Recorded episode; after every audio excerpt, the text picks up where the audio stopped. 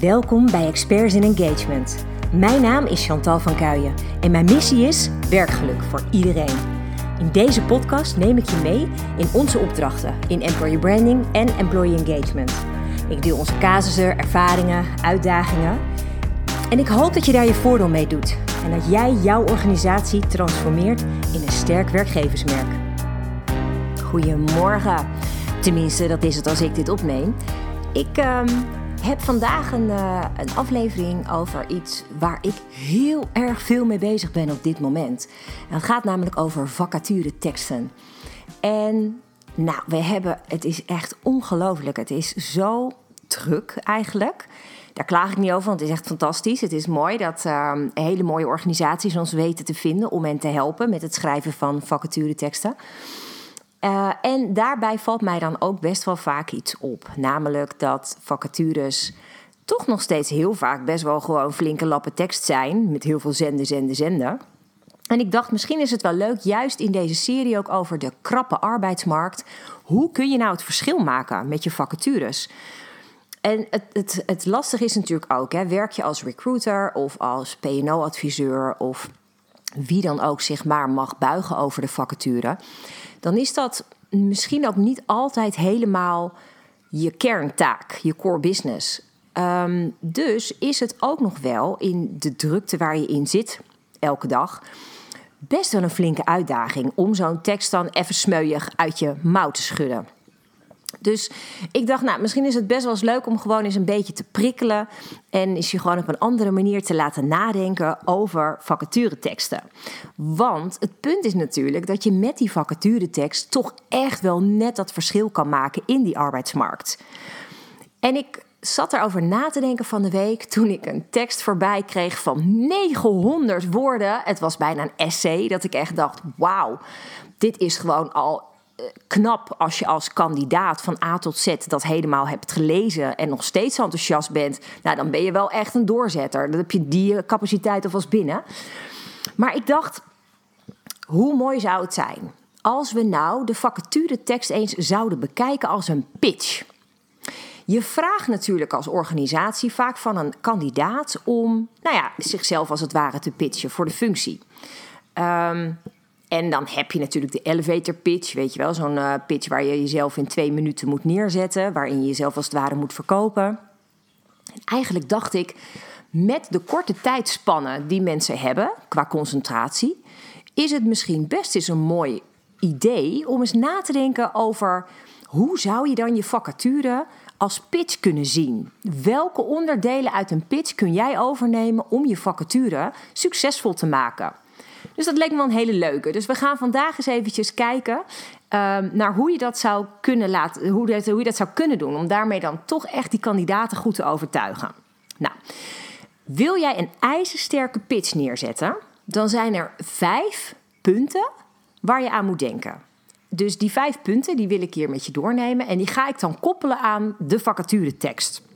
Dus het komt een beetje uh, vanuit ja, marketing en um, vanuit sales. Hoe kun jij dan een bepaald product aan de man brengen? Nou, dat geldt hier natuurlijk ook, want je gaat een baan aan de man brengen of aan de vrouw.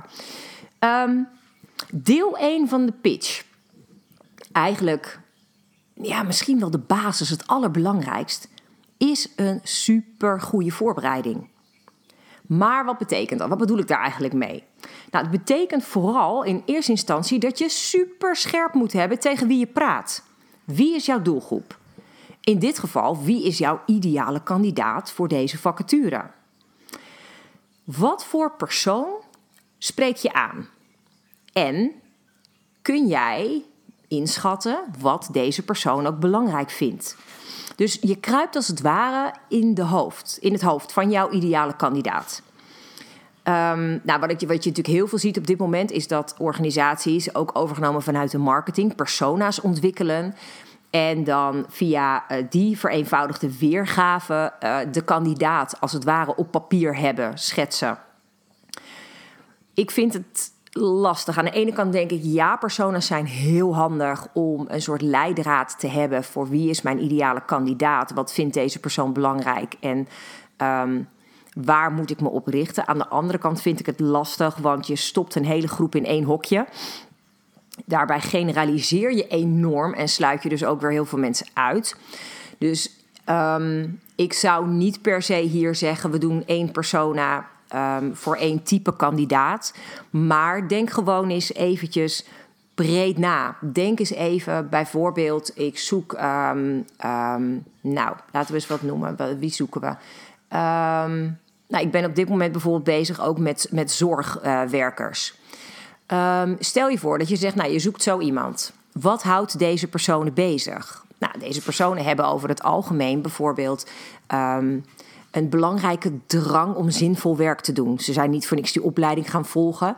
Ze willen heel graag een hele belangrijke bijdrage leveren aan de maatschappij.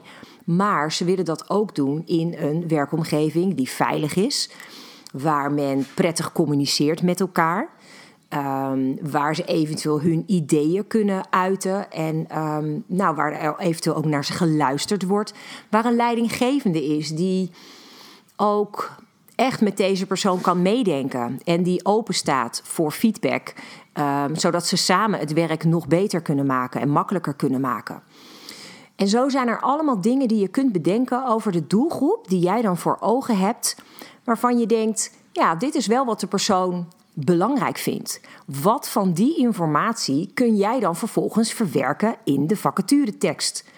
En mijn ervaring is op het moment dat jij de kandidaat voor ogen hebt en je ziet eigenlijk als het ware de sollicitant al voor je, dan maakt dat het schrijven van de tekst al veel makkelijker. Het is net alsof je tegen die persoon zit te praten. En dat is natuurlijk ook het allerbelangrijkste wat je doet. Hè? Want in een vacaturetekst, even los van de tips verder, want een pitch gaat over het algemeen niet zozeer over schrijven. Maar op het moment dat jij wel heel goed weet wie jouw doelgroep is, dan is het ook makkelijker om in een soort schrijftaal, spreektaal naar deze mensen te schrijven, zeg maar, om zo tegen ze te praten. Dat werkt heel erg goed. Oké.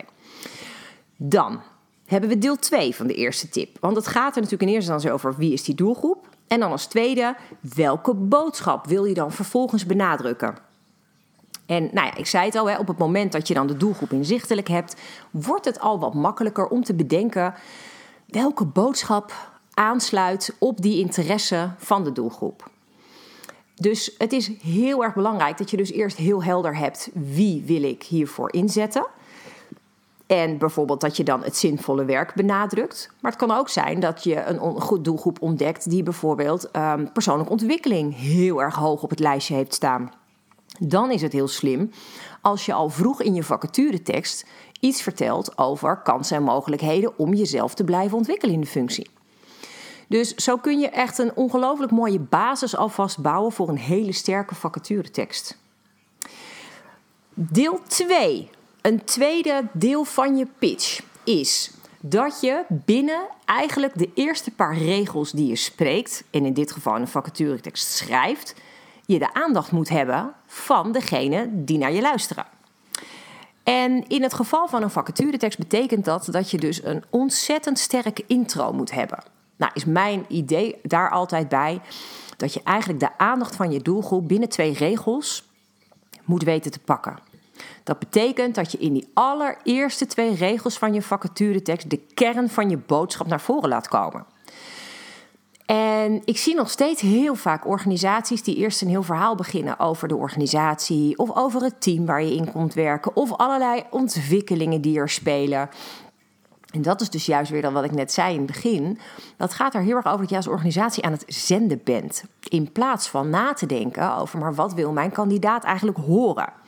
Op het moment dat jij weet dat jouw kandidaat eh, een zinvolle bijdrage levert, op nummer 1 heeft staan qua behoeftes in het werk, dan weet je dat je in je intro moet inspelen op die zinvolle bijdrage. Dus maak dat concreet. Vertel heel simpel waar die persoon aan bijdraagt. Dus ik vraag ook wel eens aan vacaturehouders: nou, als deze functie er nou niet zou zijn in de organisatie, wat zou er dan gebeuren? En dat is vaak een manier om er dus op een andere manier naar te kijken, waardoor je dan um, beter een beeld krijgt van: oh, wacht even. Maar als die persoon er dus niet zou zijn, dus even terug naar de zorgwerker, als die zorgwerker er niet zou zijn, dan zouden er dus allemaal mensen in een gat vallen die nu een hele prettige persoonlijke begeleiding krijgen. Wat zou er dan met die mensen gebeuren, bijvoorbeeld? Dus zo zijn er eigenlijk, ik denk voor alle functies redenen te bedenken waarom die functie moet bestaan. Het is als het ware de why van de functie. En ik heb echt al heel vaak interviews gehad met vacaturehouders. En dan vraag ik, maar wat is nou het grotere geheel waar deze functie aan bijdraagt? Hè? Wat, wat maakt dat deze functie nodig is? En het is echt wonderlijk dat de meeste managers daar gewoon nooit bij stilstaan, helemaal niet over nadenken. Dus het is ook voor jou als recruiter of PNO-adviseur super interessant om gewoon zo'n vraag aan een manager te stellen. Maar waarom is deze functie er eigenlijk? Wat voegt die toe aan de organisatie, aan de ambitie, aan de doelstellingen? Waarom doen we dit? Um, Meestal als je daar namelijk een antwoord op krijgt, heb je al een ongelooflijk interessante input om daar je hele vacature start al mee te maken. Dus je intro en een deel van de inhoud. Dus dat is een hele belangrijke. Zorg dat je meteen de aandacht trekt. Ehm, een derde punt voor een pitch is dat je letterlijk degene direct aanspreekt aan wie je die pitch, voor wie je die pitch houdt, zeg maar. En ik zat erover na te denken, maar hoe zien we dat dan in vacatureteksten? Even los van het feit ehm, dat je een kandidaat echt aanspreekt. Door bijvoorbeeld al niet uh, in de derde persoon je vacaturetekst te schrijven. Dus niet zeggen. Uh, de financial controller zal uh, per kwartaal duidelijke rapportages afleveren. Nee, jij als financial controller desnoods zal, um, levert elk kwartaal duidelijke financiële rapportages af. Dus spreek iemand ook echt aan. Maar een manier om het ook nog persoonlijker te maken. Om te zorgen dat iemand echt het gevoel heeft dat je hem als het ware al een beetje naar binnen trekt, is door bijvoorbeeld een afbeelding of een video te gebruiken. een afbeelding is natuurlijk leuk, hè, want dan zou je. excuses. Dan zou je het team bijvoorbeeld al kunnen laten zien. En als dan een team op een hele vrolijke foto met een mooie, uh, mooie um, blik in de camera, als het ware al echt de kandidaat direct aankijkt, dan kan dat al een groot verschil maken. Nog leuker is het natuurlijk als je een video hebt waarin je direct de kandidaat aanspreekt. Um, hè, dat je bijvoorbeeld in een video, dat hoeft helemaal geen lange video te zijn, dat kan ook die pitch zijn van één minuut waarin je gewoon uh, aangeeft wat er voor moois te doen valt binnen de organisatie. En dat je dus aan jou, de kijker, vraagt om er zich er eens in te verdiepen om te kijken of de organisatie niet bij die persoon past. Dus dat is wel, denk ik, een hele, hele mooie om te doen. Dus zo maak je hem in ieder geval aansprekend. Dan heb ik nog een vierde tip. En die vierde, dat vierde onderdeel. Um, tijdens de pitch wil je niet dat jouw luisteraar afhaakt. Je wil gewoon de aandacht erbij houden ik denk dat je daarmee ehm, al heel ver kan komen door wat ik net zei. Hè, door de ehm, vacaturetekst niet in een derde persoon te schrijven, maar echt met je, je kandidaat aan te spreken. Zorg dat de persoon echt het idee heeft dat je het tegen hem of haar hebt. En wat ik zelf ook altijd wel leuk vind, is bijvoorbeeld halverwege de tekst ehm, een vraag te stellen aan de kandidaat nu zie ik bijvoorbeeld nog steeds heel vaak vacatures starten met wel vijf, zes vragen in het intro. Die ook over het algemeen totaal niks vertellen over de tekst. Uh, totaal niks loslaten over de echte inhoud, over waar je het dan echt voor moet doen. Maar als jij een hele scherpe vraag stelt, gewoon ergens halverwege. Dat kan bijvoorbeeld zijn op het moment dat je het hebt over de functie-eisen, dat je daar een vraag stelt over of iemand een bepaalde capaciteit in huis heeft. Dan kan het zijn dat iemand zich dan net even wat meer aangesproken voelt dan dat je alles heel stellend opschrijft. Dus ook daar kun je gewoon mee spelen. Dat vind ik wel een hele belangrijke. En als laatste, en dat is ook wel een soort van ondergeschoven kindje, maar een vacaturetekst en een pitch hebben natuurlijk een ontzettend krachtig einde nodig. Um, nou moet ik wel eerlijk bekennen dat het op zich al heel erg mooi is als jouw kandidaat tot dat einde komt van de tekst. Hè. Dat is op zich al in deze tijden al een uitdaging, omdat heel veel mensen wat scannen en over het algemeen niet alles even goed lezen. Maar ik ga er nu gewoon vanuit dat je een fantastische pitch hebt neergezet en dat mensen dan ook echt richting dat einde komen. En ik denk dat als je dan bij je call to action heel krachtig afsluit, dat dat net een manier kan zijn om iemand nog over die streep te trekken. En ik moet zeggen, we hebben dat bijvoorbeeld voor uh, Partners voor Jeugd toen gedaan. Hè. We hebben daar het Employer Brand ontwikkeld en uh, Geef de Jeugd in Jeugd. En daarbij eindigen we bijvoorbeeld de vacatureteksten ook echt met de vraag of de kandidaat, en dan noemen we een specifieke naam van een kind, uh, of die deze persoon wil komen helpen of die hem wil komen steunen om een zo normaal mogelijk leven te leiden. En het mooie daaraan vind ik, ten eerste heb je daarmee meteen je employer brand nog eens een keer een versterking gegeven via je vacaturetekst. Maar ten tweede roep je meteen weer, in dit geval ook, de zinvolle bijdrage naar voren. En je laat als het ware die kandidaat even proeven aan, oh ja, oh ik ga dan echt, ik ga dit kind, ga ik helpen. Ik ga zorgen dat dit kind een zo normaal mogelijk leven heeft. Ja, dat wil ik. Weet je, dus ik geloof erin dat op het moment dat jij in die laatste uh, alinea, dat stukje over de call to action, als je dat niet alleen maar feitelijk houdt van nou, voor vragen kan je contact opnemen met of mailen naar. Uh, nou, dan en dan zijn de selectiegesprekken. Maar dat je gewoon echt nog heel even weer, kijk even naar je intro, wat heb je daar vermeld? En haal de kern daaruit nog eventjes naar voren aan het einde. Zodat je afsluit weer met dat krachtige verhaal waarom die kandidaat deze vacature moet overwegen. Het kan net dat laatste zetje zijn wat een kandidaat nodig heeft. Nou, hoe dan ook, dit is dus een hele andere manier om een vacaturetekst te bekijken. Gewoon puur eens een keertje als pitch. En ik daag je uit om daar eens in te duiken. Om gewoon eens op die manier naar je tekst te kijken. Het leuke zou namelijk ook zijn, als je dat heel erg strikt zou willen opvolgen. en je zou je houden aan een uh, pitch van twee minuten dan wordt het toch wel een hele mooie korte tekst. Waarin jij dus super scherp hebt hoe jij deze kandidaat gaat overhalen. Dus daar wens ik je heel veel plezier bij. Want ik denk dat het heel leuk is om op een andere manier daar eens naar te kijken. Desnoods hè, doe dat samen met een, uh, met een uh, vacaturehouder. Gewoon eens kritisch kijken. Hoe gaan wij deze tekst nou zo goed mogelijk, deze functie zo goed mogelijk verkopen? En dat is misschien een hele commerciële manier. Maar ik geloof er echt in als je dit op een hele uh, doordachte manier doet, echt vanuit de doelgroep gedacht, dat je dan echt een heel groot verschil kan maken. Dus nou, in ieder geval bedankt dat je er weer bij was vandaag. Kan ik weer onwijs waarderen. Zijn er nou vragen naar aanleiding hiervan? Laat het me vooral weten. Dat vind ik echt heel erg leuk. Kan gewoon via ons Instagram-account, via een direct message of uh, via LinkedIn. Mag ook altijd naar mijn eigen ding. Uh, of nou ja, we hebben op de website uh, een speciaal formulier staan, employerbrander.nl slash podcast.